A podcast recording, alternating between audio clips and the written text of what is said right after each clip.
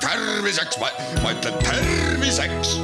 saade valmib koostöös Ida-Tallinna Keskhaiglaga, vaata ka itk.ee tere, head Kuku kuulajad, eetris on saade Terviseks ja kui me eilses saates rääkisime vähist, siis tänasel teemal jätkame. mina olen Ingela Virkus ja koos minuga on stuudios Ida-Tallinna Keskhaigla onkoloogiakeskuse juhataja ja onkoloog doktor Helen Vettus, tere taas! tere! Me rääkisime eelmises saates kasvajate levikust täna ja sõeluuringute programmidest, et kuidas teile tundub, kas kasvajaid avastatakse täna rohkem sõeluuringus osalemise läbi või juhuslikus kontrollis või on siiski inimeste teadlikkus ka niivõrd palju juba kasvanud, et nad oskavad oma kehas mingeid muutusi tähele panna, mingeid sümptome märgata ja siis pöörduvad arsti poole, kus siis selgub äh, tõde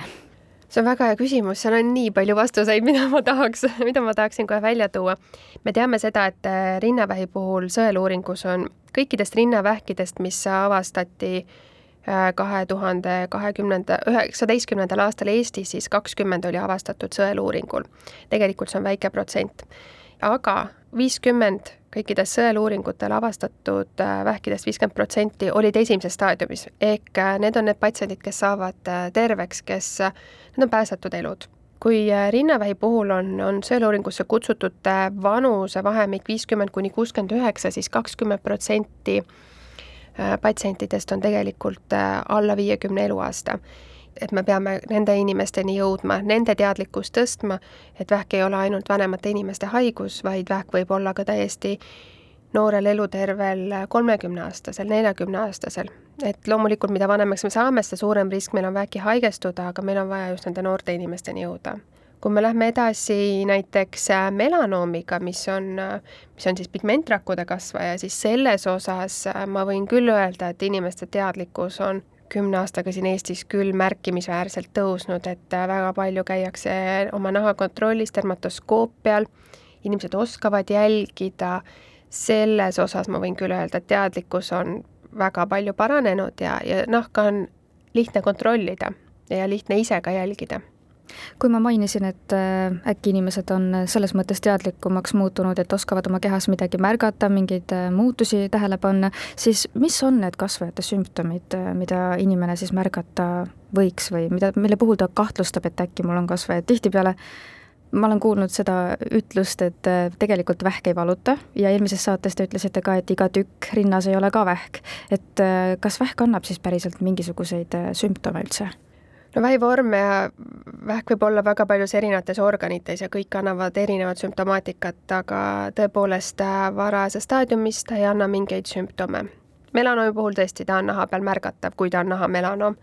aga paljude teiste puhul ta ei ole märgatav, ei anna sümptome. paraku see nii on ehk siis selle tõttu ongi oluline osaleda sõeluuringu programmides, et see vähk võimalikult varajases staadiumis avastada, siis kui ta veel mingeid sümptome endast ei anna ja mingeid märke. täpselt, just, ja siis, kui meil on võimalik patsient täiesti terveks ravida kui inimene on nüüd saanud kutse näiteks sõeluuringule või on mingisuguste kahtlustega arsti poole pöördunud, mis siis edasi saab, et mis uuringuid tehakse esmalt või, või kuidas selle vähidiagnoosini jõutakse ja, ja millal üldse onkoloogi ehk siis teie juurde juba saadakse? enamasti onkoloogi juurde jõuavad patsiendid siis, kui neil on juba vähidiagnoos välja pandud perearstidel on võimalik kasutada e-konsultatsiooni onkoloogile, kus siis, kui perearstil tekib äh, patsiendil, et tal on vähikahtlus, tal on juba esmased uuringud, näiteks ultraheli on tehtud, seal on näha, et maksas on kolded, siis ta saab teha e-konsultatsiooni ja meie saame juba patsiendiga edasi toimetada.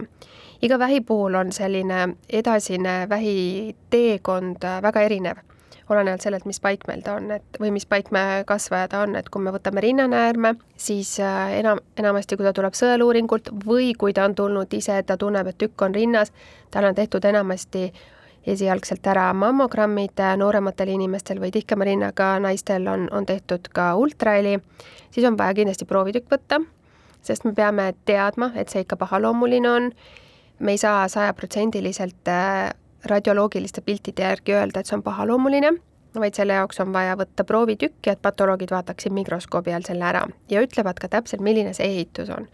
millele see vastab, et me teaksime, mida ravida, sest rinnavähi tüüpe on nii palju erinevaid ja nende ravi on erinev. et me ei saa puusalt tulistada, me peame võimalikult täpset ravi tegema. ja vastavalt siis sellele staadiumile kas me teeme kogu keha kompuuteruuringu, rinnavähi puhul enamasti me teeme ka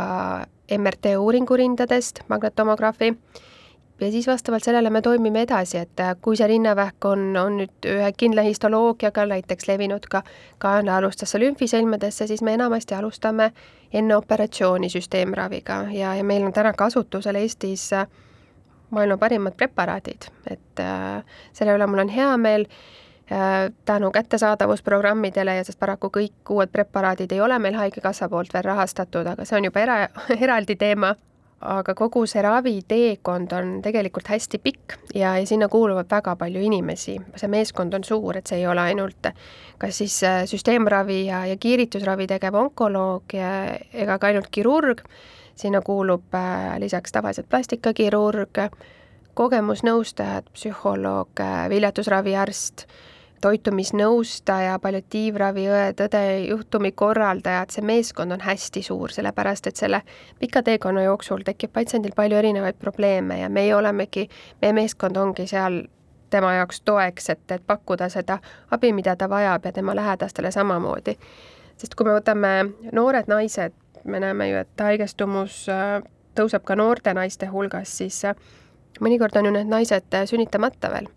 ja vähidiagnoos ei tähenda seda, et ta ei tohi pärast sünnitada, vaid see tähendab seda, et me arutame patsiendiga, kuidas me saame tema fertiilsust säilitada kogu selle vähiravi ajal ja räägime sellest, et millal tal on võimalik äh, rasestuda, kui tegemist on varase rinnavähiga või, või mõne teise paikmega, nii et et see on alati väga oluline pool, mida kindlasti mitte ära unustada kui kiiresti aga siis saab täna näiteks vähikahtlusega onkoloogi juurde, et või noh, teie juurde juba jõutakse siis, kui on diagnoos käes, aga ma mõtlen seda, et eelmises saates me rääkisime ka, et vähidiagnoose muudkui tuleb juurde ja tuleb juurde, et kui kiire see abi on täna vähipatsiendi jaoks? Ida-Tallinna Keskhaiglas ikkagi vähikahtlusega patsient äh, saab spetsialisti juurde kahe nädala jooksul e. E-konsultatsiooniga kindlasti kiiremini, nii et ma väga julgustan kasutama perearste rohkem e-konsultatsiooni ja mitte ainult onkoloogidele, vaid äh, kui on vaja kolonoskoopiat, siis äh, gastroenteroloogide juurde otse e-konsultatsioon, kirurgidele, et nii saab palju kiiremini neid asju organiseerida, et tõesti, see ootamine on kogu selle perioodi jooksul kõige raskem aeg patsiendile. kui me nüüd oleme tõesti, me teame, näeme pildiliselt, et tegemist on vähiga, me võtame selle proovitüki ja siis peab ootama proovitüki vastust samas patsient tunneb, et me nagu ei tee sel ajal mitte midagi, aga tegelikult see võimalikult täpne diagnoos on see, mis on võti, mis, mille järgi me saame hakata ravi tegema, nii et me ei saa teha lihtsalt pildi järgi, et mulle tundub, et seal on vähk, vaid meil on vaja seda võimalikult täpset diagnoosi ja tihti see võtab aega paar nädalat ja see on igal pool maailmas niimoodi. Te mainisite halvaloomulisi kasvajaid, aga mis asi on näiteks healoomuline kasvaja, et kas healoomuline kasvaja võib ka ohtlik olla? Äh, jah, kasvajad on, äh, on selline üldsõnastus ja siis me jagame kasvajad healoomuliseks ja halvaloomuliseks, et healoomuline kasvaja näiteks, äh, kõige lihtsam näide on sünnimärk neevus, kus on siis pigmentrakkude kogumik nahas ja naha peale tekib siis sünnimärk või noh, ütleme ilusam sõnaväljend on, on neevus selle jaoks. ja enamasti see ongi healoomuline, temaga ei juhtu terve elu jooksul mitte midagi, neid tekib juurde, mis on paratamatus muidugi päike soodustab äh, sünnimärkide teket ja melanoomi haigestumist, aga kui nüüd sellesse neevuses toimuvad rakumuutused ja need äh, või tekib naha peale uus, äh, uus selline moodustis, mis kiiresti kasvab, siis ja need rakud jagunevad hästi kiiresti, neil on kontrollimatu raku jagunemine, siis, siis ta muutub pahaloomuliseks, et kogu meie keha organismi rakud on, neil on kindel äh, selline mehhanism, mille järgi nad töötavad. Äh, nad surevad, nad jagunevad äh, ja see käib kindlalt, see on kontrollitud, need on niisugune kontrollmehhanism on peal, aga kui see kontrollmehhanism läheb pealt ära ja need rakud hakkavad täiesti kontrollimatult jagunema, hakkavad levima, kas siis lokaalselt või siis läbi äh, lümfiteed pidi lümfisõlmedesse, verd, vere kaudu siis teistesse organitesse, et siis on tegemist pahaloomulise kasvajaga ehk vähiga. ehk siis tuleks ikkagi teatud aja tagant käia neid kontrollimas neevuseid näiteks? ja, ja võiks käia küll ja me, eestlased, oleme siin heleda nahaga enamasti on kõik saanud lapsepõlves mingi päikesepõletuse, et see lisab meid juba tegelikult äh, riskigruppi, et äh, ja ma soovitan baaskontrolli, ma soovitan kõikidele ära teha ja siis edasi saab sellise individuaalse soovituse Te rääkisite ka põgusalt äh, kasvajate ravist ja, ja sellest, et kui suur meeskond tegelikult kogu selle ravi vältel inimesega tegeleb. kui edukas see ravi täna on võrreldes näiteks kümne aasta taguse ajaga ja kahekümne aasta taguse ajaga? Te olete no, nii väga... noor, aga, aga kolleegide jutu järgi näiteks või? ei no väga palju on see arenenud. kümme aastat ma võin küll rääkida, et tõesti näiteks, no tõesti mu lemmikteema on melanoom ja rind, on ju, et ma nendest ainult räägiksingi aga melanoomi puhul kümme aastat tagasi meil praktiliselt ei olnudki mitte midagi teha, kui see oli neljas staadium, meil oli keemiaravi, mis ei andnud, äh, elu ei pikendanud, äh, langetas elukvaliteeti ja siis tuli immuunravi, ta on veenisisene ravi, aga ta toimib väga lihtsustatult, ta toimib niimoodi, et ta paneb oma organismi äh, immuunsüsteemi rakud, paneb vähiga võitlema. ja see on olnud äh, suur selline äh, suur õnn, sellepärast et esialgu hakati katsetama neid melanoomi patsientide peal, kus ta tuli kõige varem, võeti ka äh, kliinilisse kasutusse, aga nüüd on see laienenud väga paljude teiste vähkide puhul, me kasutame praktiliselt kõikide pahaloomuliste kasvajate puhul immuunravi, mis on,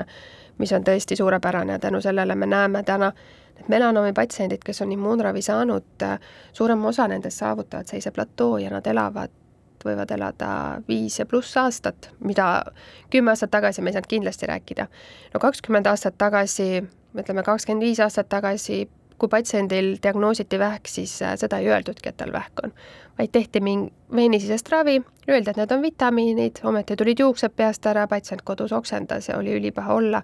et siis oli hoopis teine suhtumine kogu vähki sellesse ravisse, nii et kogu maailmas on toimunud äh, suur muutus ja toimub edasi ma oleks väga õnnelik, kui ma ole, saaks minna hästi varakult pensionile, et mu töö saaks otsa, et et kümne-viieteist aasta pärast äh, me teame, kuidas vähki ravida ja, ja meil ei oleks patsiente, see oleks mu, see oleks mu kõige suurem unistus üldse elame-näeme siis aitäh teile saatesse tulemast, Ida-Tallinna Keskhaigla onkoloogiakeskuse juhataja ja onkoloog doktor Helen Vettus ning äh, palju jõudu ja jaksu teile! aitäh kutsumast!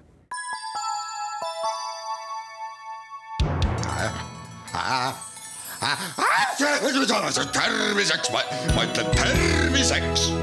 saade valmib koostöös Ida-Tallinna Keskhaiglaga, vaata ka itk.ee